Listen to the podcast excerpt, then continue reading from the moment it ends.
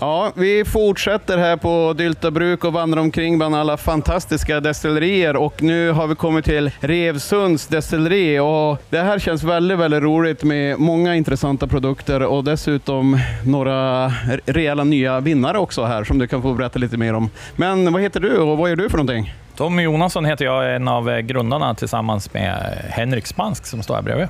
Vad härligt, härligt. Kul att få vara här hos er. Och eh, om man inte känner till Revsund sedan tidigare, då, vad skulle du vilja berätta om er? Vi är ett, eh, egentligen från 2016 ett bryggeri eh, som började med destilleri eh, 2019. Har alltid haft en experimentell lusta, liksom. så vi gillar ju att tänja på eh, lagar och regler vad det gäller eh, stilar och, och, och form och utseende på våra produkter. Och varför blev det gin? Vad är grejen med gin, tycker du? Ja, dels är det svingott.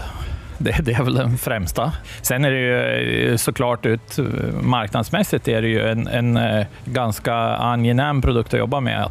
Just för att den är ju klar i och med att det kommer ut ur pannan i princip. Då. Man ska späda den lite och paketera den såklart. Så det, det är ju bra. Vi pysslar ju också med andra destillat med whisky och lite rom och snaps och sådär. Men, men ginen är ju det som är Ja, men det är ju på tapeten nu om man säger, som, speciellt när vi är här då, där det är mycket gin och det är ju skitkul.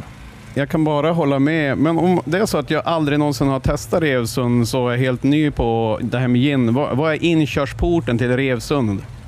Alltså det är väl eh, vårt första experiment egentligen med hjortron. Vi jobbar ju med hjortron både på ölsidan och på, på ginsidan. Då. Så vi har gjort, vår första gin var eh, en hjortron och kardemumma eh, smaksatt gin. Då. En dry gin i botten kan man ju säga då, och, och, och, smaksatt. Och sen har vi också gjort en variant på det med eh, ännu mer hjortron och lite mer kardemumma. Och så la vi det på ett eh, sherryfat. Oloroso-fat. Det här är lite nice. Kan inte du berätta lite grann vad vi ser framför oss här? Här har du liksom produktuppställningen och berätta vad det är för produkter och vad som ingår. Vad, vad har de för kännetecken och botanicals?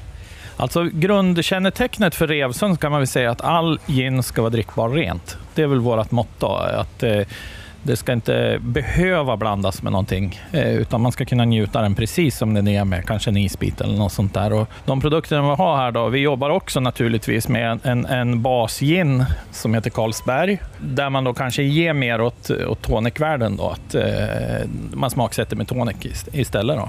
Sen har vi ju rätt mycket paletter, men den klassiska är ju fläder som vi har här. Sen har vi våran hjortron då, vi har en, eh, ja, faktiskt festivalens klassvinnare, eh, Hallon Lakrits, som är en svingod ren gin, men också väldigt trevlig i diverse drink, drinkar. Då. Och en sour som Klas brukar göra här nu då, på festivalen är ju fantastiskt bra. Vi har också en eh, Navy Strength på 58, ganska mycket kardemumma, fänkål vi har ett, eh, ett samarbete med Corroded, ett eh, hårdrocksband från Ånge.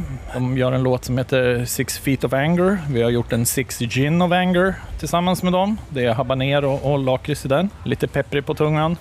Jättetrevlig. Annars är det ju klassiska smaker med, med enbär såklart och eh, koriander och angelikarot och jobbar väl en del med kardemumma, fänkål, tycker vi är trevligt. De här lakritstonerna är, är jag lite barnsligt förtjust i då. så det kommer igen i många av dem. Och så har vi då våran största då egentligen. Då. Det är ju en, en limited med, med, med hjortron och kardemumma då, som är fatlagrad i ungefär tio veckor. Som har, ja, blev svinbra faktiskt. Den är eh, jättegod trevligt. Ja, men jag ser ganska många i olika ginforum hålla på och skryta med att de har den på hyllan hemma, så jag tror ni har lyckats. ja, ja, men det känns jäkligt bra. Jag tror det är 20 kvar på Systembolaget nu, sen är det slut. Vi gjorde 700 flaskor, så det är, det är nästan slut nu. Så det, det är jättekul. Kul och grattis till framgången och kul också att få träffa er här i verkligheten på ginfestivalen. Ja, men tack själv. Det är svinkul att vara här. Har ni haft kul hittills då?